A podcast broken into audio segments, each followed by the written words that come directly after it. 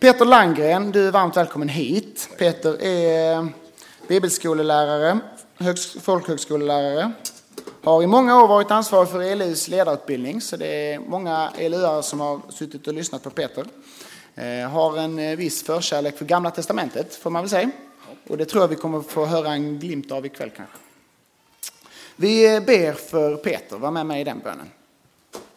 Herre, vi tackar dig för Peter. Vi tackar dig för att han är här eh, ikväll och att han har suttit och förberett eh, denna predikan, Herre. Jag tackar dig för, framförallt för att du är här och att du har varit med Peter i, eh, i förberedelsen, Herre. Nu ber vi att du ska tala genom honom, Herre. Att du ska komma med din goda ande och, och använda Peter som ett redskap i dina händer. Ett redskap där du får arbeta in i allas våra hjärtan, Herre. Tala ditt ord, ditt ord som ger liv, ditt ord som räddar. Kom och öppna det för oss. Öppna våra hjärtan och öron för ditt ord och öppna ditt ord för våra hjärtan och öron. Kom du eh, Jesus och slå följe med oss. I Jesu namn ber vi. Amen.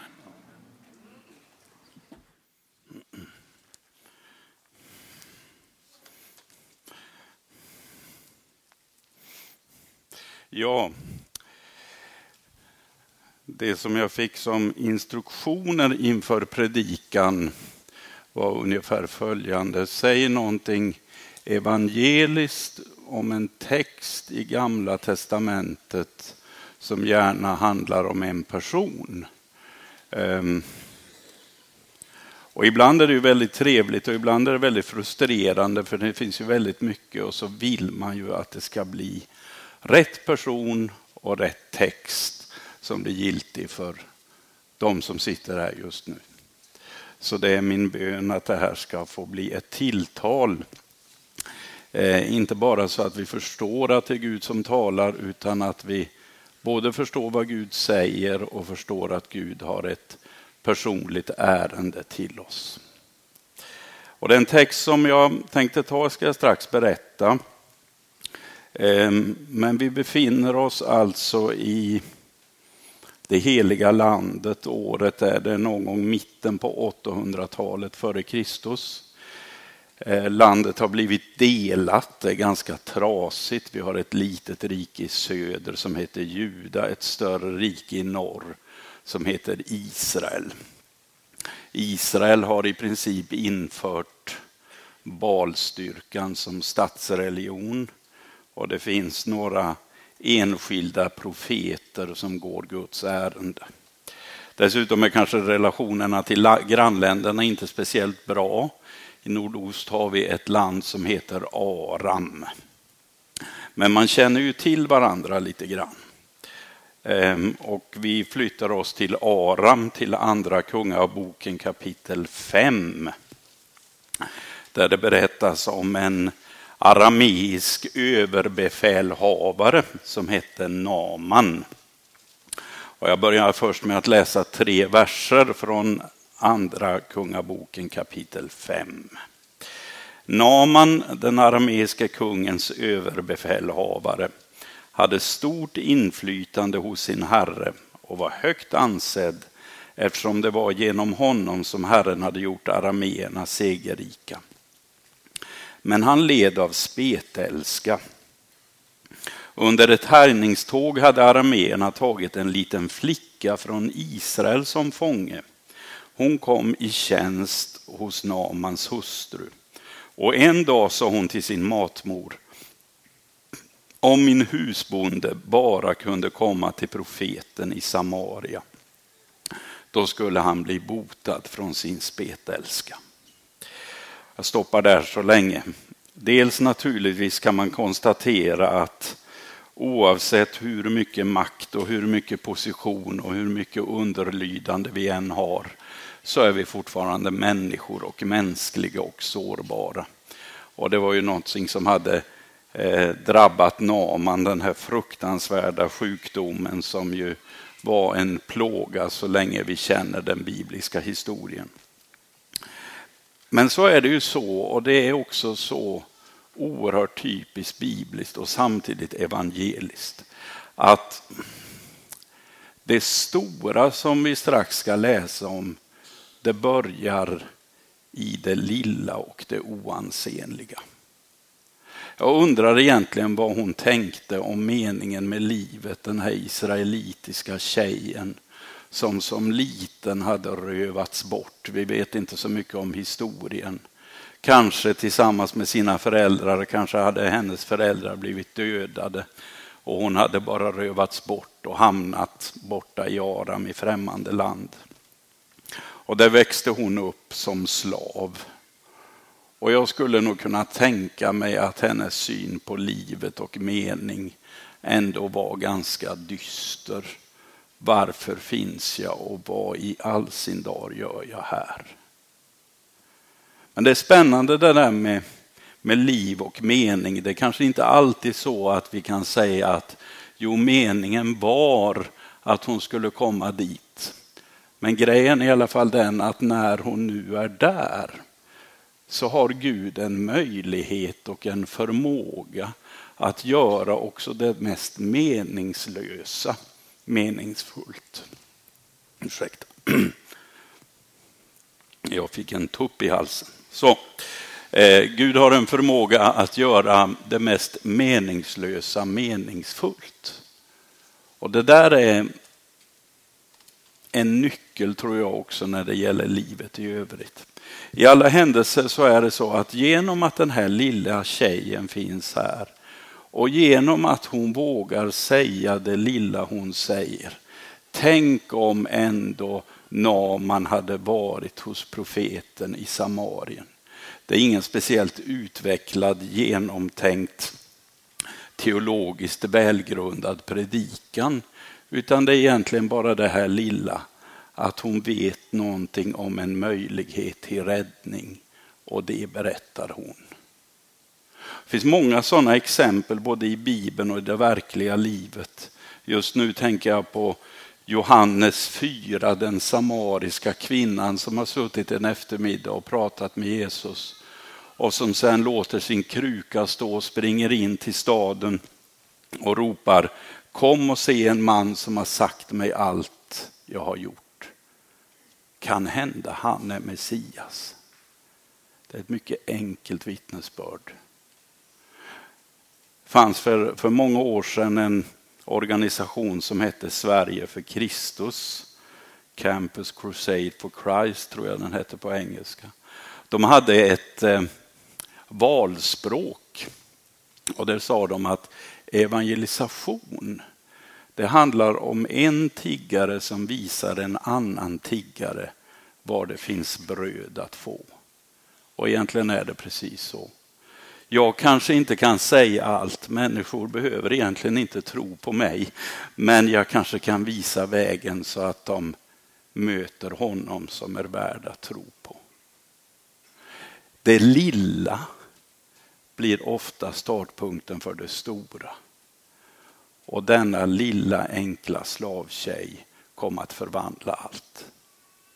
Och när jag pratar om ordet som räddar så kan jag också, jag kan inte låta bli, jag tänkte på det i bilen på vägen hit, ehm, en kille som jag kallar för Torbjörn, avslöjar inte om han hette så i verkligheten och det är ingen av er som vet vem detta är överhuvudtaget. Jag träffade honom för många, många år sedan.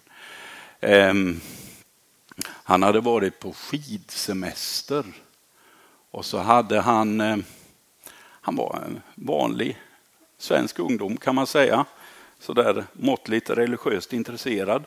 Ehm, och så hade han blivit sjuk en kväll och de andra kompisarna skulle ut och de hade hyrt någon stuga i, i fjällen.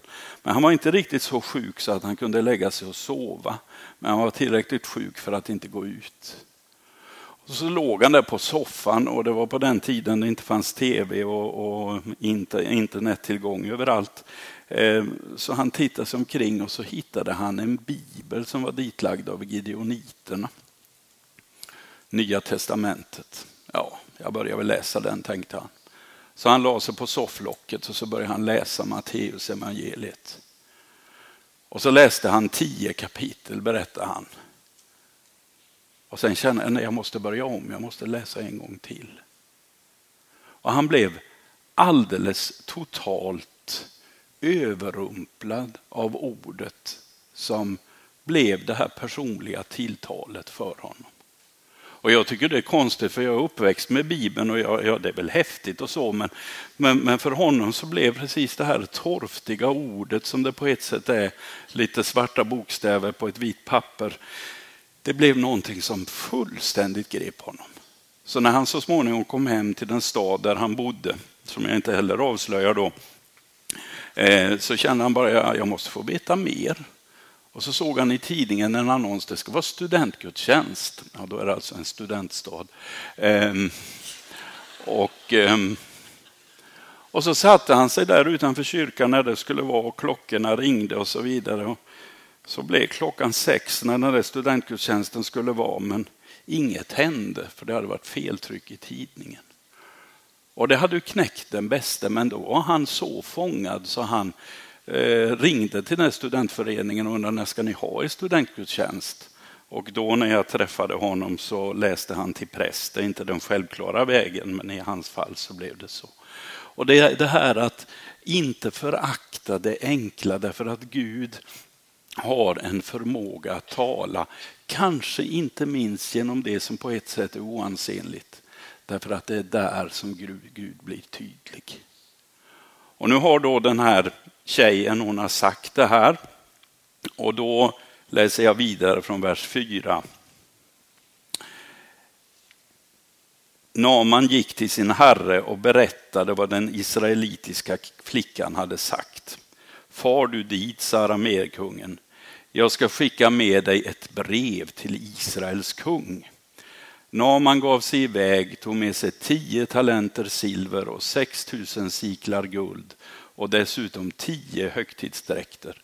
Han överlämnade brevet till kungen av Israel och där stod med detta brev sände jag min tjänare Naman till dig för att du ska bota honom från hans spetälska. När kungen hade läst brevet rev han sönder sina kläder och ropade är jag då en gud med makt över liv och död eftersom han skickar till mig en spetälsk och begär att jag ska bota honom. Ni märker hur han söker sak med mig. Om det första är liksom att Gud börjar verka i det oansenliga så blir ju det, det andra att Gud också möter på det ställe där jag kanske inte alltid har förväntat mig det. I Namans fall så tänker han just det, det är någon som kan bota spetälska och så går han till sin kung och får ett brev och så uppsöker han kungen.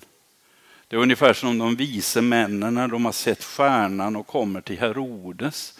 För man tror ju att de här stora händelserna de sker ju i maktens boningar. Men det är kanske inte alltid där som det sker.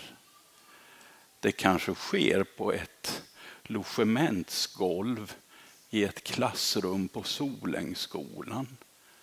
Eller det kanske sker över en kaffekopp på Café Sandkakan i Lund som jag nu råkar känna till. Många gånger så tror vi liksom att de avgörande händelserna det är liksom de här människorna som vi betraktar som stora. Men en av de häftiga grejerna också som jag blir så uppmuntrad av när jag läser i min bibel, det är just det att vi läser om den stora händelsen men förhistorien till denna stora händelse är egentligen väldigt enkel. När jag hade mitt seminarium i eftermiddag så nämnde jag till exempel att i gamla testamentet så är den heligaste och mest avgörande mötesplatsen mellan himmel och jord ett kolsvart rum som aldrig städas och där lukten och luften är stillastående och där det är så omysigt man bara någonsin kan tänka sig. Där är mötesplatsen himmel och jord. Eller när Gud blir människa så föds han och läggs i en krubba i en avkrok av världen med inte alltför många invånare.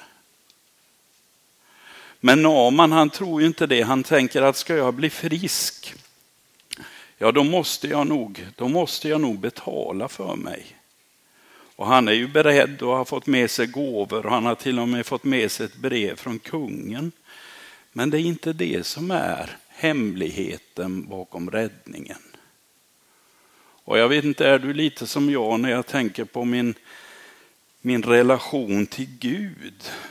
Så har jag fortfarande så svårt att ta till mig och förstå att, att jag är ett Guds barn. Det är jag därför att Gud har bestämt det och för att Gud vill det. Inte så mycket för att jag har bestämt det. Jag försöker ibland och jag försöker ibland betala lite avlat när jag eh, gör mina tabbar och misstag och synder. Och så försöker jag läsa Bibeln lite extra innan jag bekänner min syndabekännelse. Därför att jag mår lite bättre av det. Därför att det är så svårt att acceptera detta faktum att allt bara är en gåva. Jag frågade en av mina vänner här innan om en berättelse som cirkulerade ganska kraftigt när jag växte upp, i den mån jag gjorde det. Ehm, och han sa, kanske inte, har ni hört den förut så får ni ta den igen, för jag tycker den är fantastisk, den här berättelsen om kungen och blomsterfrickan. Är den jättebekant för alla? Alla sa inte ja, nej men då räcker det. Ehm, det är en, en gammal, gammal saga om en kung som bodde i ett land någonstans långt borta. Och vi tänker oss ett, ett kungarike med ett berg och ett sånt där Disney-slott och så en serpentinväg som slingrar ner och så en liten stad vid foten av berget. Och det är den här kungens kungarike. Och I det här fallet så handlar det också om en kung i det här kungariket som han var rätt så schysst och godhjärtad.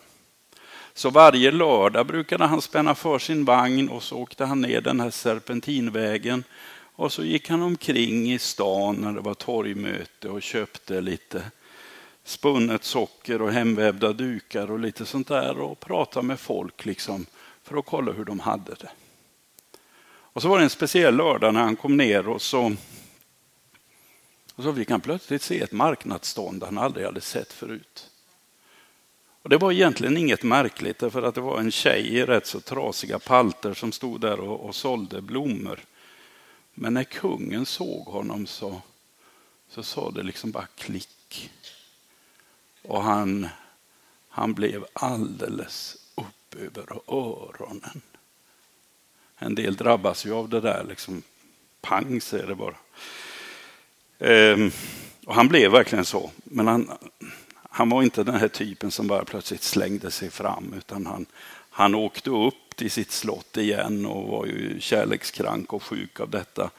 Och så började han fundera, alltså nu måste jag ju på något sätt, jag måste ju liksom få den här tjejen. Hur ska jag nu göra? Jo, tänkte han, om jag gör så nästa gång att jag, jag, jag spänner för min vagn och så åker jag ner till torget och så rullar jag ut den röda mattan och så kommer jag med en massa gåvor och bara fullständigt dränker henne i parfymer från Dior och Yves Saint Laurent, för de fanns också i den här sagan.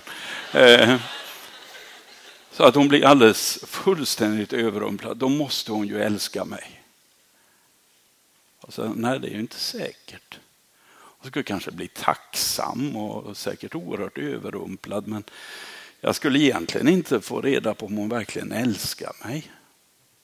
Så tänkte han vidare. Så tänkte, men tänk om jag spänner för min vagn med guldornamenterad med tolv vita springare och två eh, marskalker, jag höll på att säga marschaller, marskalker på kuskbocken och så glider ner och så har jag på mig de finaste kläder jag har och så rullar jag verkligen ut en jättelång röd matta och så glider jag ut i mina kläder och faller på knä på henne och räcker över en ros och säger jag älskar dig.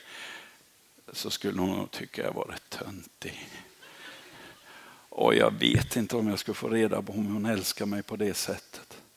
Och så tänkte han lite till och till slut kom han på hur han skulle göra.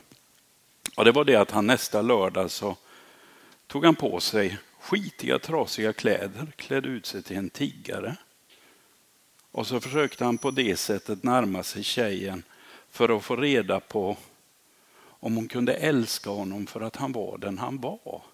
Inte för vad han kunde ge och inte för hans makt, utan bara för att han var den han var. Och Jag tror egentligen att det är precis det här. Det är, jag tror att det är vad Gud gör också. Att visst hade Gud kunnat färga himlen här utanför Fockeråsa och skriva tro på mig. Ehm, men Gud vill liksom inte ha den relationen till mig därför att Gud vill någonting annat.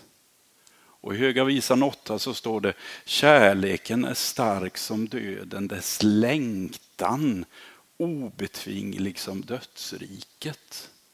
Och det är Guds längtan, inte bara för oss alla, utan för mig och för dig.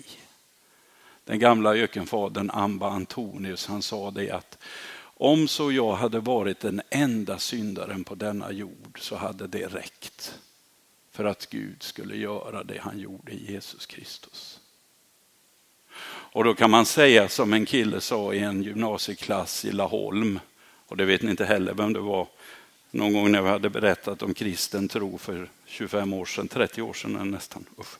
Ehm, och, och, han var liksom alldeles för, för det stämde inte med vad han trodde det var och så slutade han lektionen med att sucka uppgivet och så sa han Nej du, det här är för bra för att vara sant, sa han. Och det är det ju, fast det är ju sant. Mm. Ja, jag ska säga någon, hur länge har jag hållit på Martin?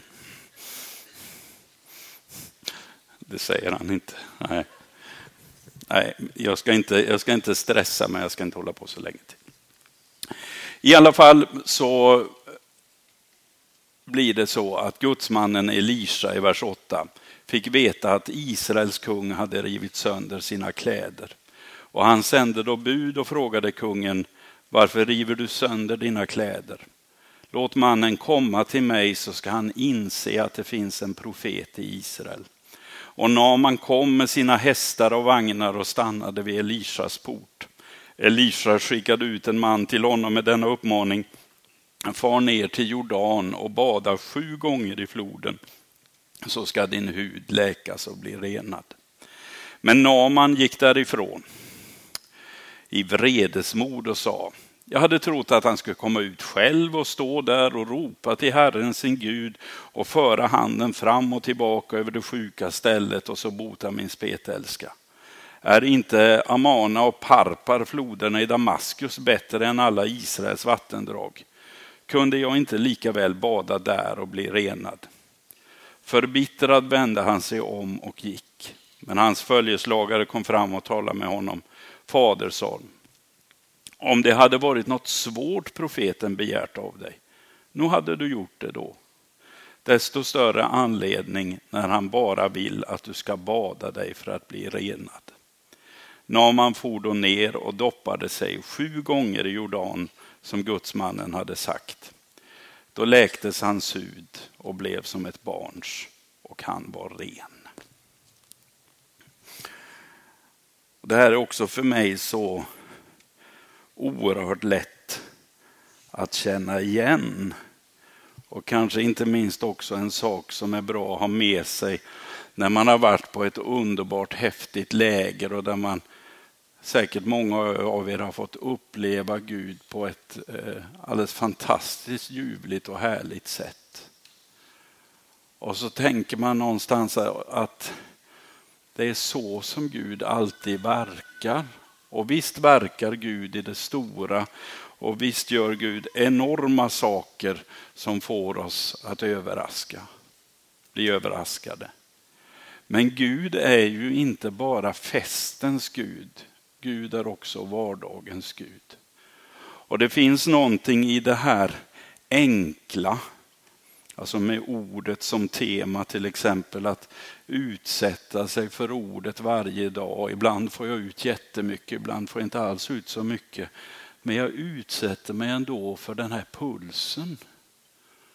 Och så kanske jag kan gå i fällan och tänka, ja men är inte mina gudstjänster hemma som på puls, ja då får det liksom vara. Men grejen är att Gud finns också där. Gud finns liksom på ett sätt oberoende av mina känslor, oberoende av häftigheten. Häftigheten finns där och den är underbar men det är inte den som jag är beroende av. Om du läser i Lukas 10 från vers 17 till 20. Det är väl Lukas. Tror jag har skrivit upp det. Amen.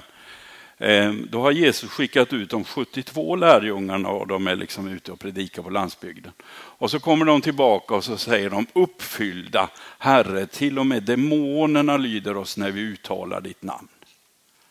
Och Jesus säger, ja, jag har, gett, eh, jag har sett Satan slungas ned från himlen som en djungel. Jag har gett er makt att trampa på ormar och skorpioner och stå emot fiendens hela styrka. Ja, det är maffigt alltså. Men så säger Jesus, men gläder inte över att andarna lyder er, utan gläder över att era namn är skrivna i himlen. För det är det som är pulsen som håller, både i detta fantastiska stora, men också i den grå vardagen, som ju är grå ibland, så är faktiskt det så att jag är Guds barn. Och mitt namn är skrivet i himlen. Och ingen kan ta det därifrån. Och Gud har sagt att jag har skrivit det så det sitter där. Och så finns allt det här andra med också. Eller så, va? Och så får då Naman höra det här, liksom, ja, egentligen säger ju Elisa inte ens själv utan genom ett bud, gå och bada. Eh, och det är kanske inte så konstigt att Naman blir sur. Och det är kanske inte så konstigt att han tänker, men mina floder där hemma, de är ju mycket bättre än den här rännilen som ringer här, rinner här. Och då är utmaningen det är precis det som hans följeslagare säger. Att om profeten hade förelagt dig något svårt, då hade du gjort det. Om du skulle gå till fots till Puls varje år från där du bor. För att då blir du en riktig kristen. Då finns det en del som säkert känner yes, och så kan jag liksom vila i det för nu har jag gjort det. Men de flesta av oss åker väl bil eller buss om vi inte bor alldeles i närheten. Men det är ju liksom inte det som är grejen, utan grejen är att då får jag ändå möta, ja men du är ett Guds barn, du är min. Och Elisa, eh, Naman, han liksom, till slut inser han det, ja får vi göra det här då, för det skadar ju inte att försöka. Och så blir han frisk. Och jag skulle vilja säga att det här med kristen tro, det är så enkelt så att det är svårt. Avståndet till Gud är aldrig längre än vad är det, 30 centimeter som är hjärnan till hjärtat. Men det är långa, en lång bit alltså. Jesus säger i Johannes 7 att om du vill veta, om man vill veta om min lära kommer från Gud eller om jag talar om mig själv, så ska han göra det jag säger så ska han få se om det är sant. Och det är precis så enkelt. Att pröva, att säga till Jesus, här är jag. Och att våga tro att jag är ett Guds barn, både i de mörka och ljusa stunderna. Men det är så enkelt så att det är svårt. Men det är sant. Halleluja betyder prisa Gud. Amen ska vi be tillsammans. Ja, Gud, jag vill tacka dig för att du är den du är. Och jag tackar dig för att du är den människor är. Och jag tackar för att din kallelse gäller både överbefälhavare och enkla slavtjejer. Att den gäller oavsett vilken position vi har i samhället eller i andras ögon. Tack för att du säger om var och en av oss att, att du är min ögonsten. Det finns ingen människa på jorden jag älskar mer än jag älskar dig. Och så ber jag dig Gud att hjälpa mig att sänka garden, att ta emot det. Att våga vila i det faktum att du är den Gud som är med mig och går med mig. Tack Gud för att du är den du är. I Jesu namn.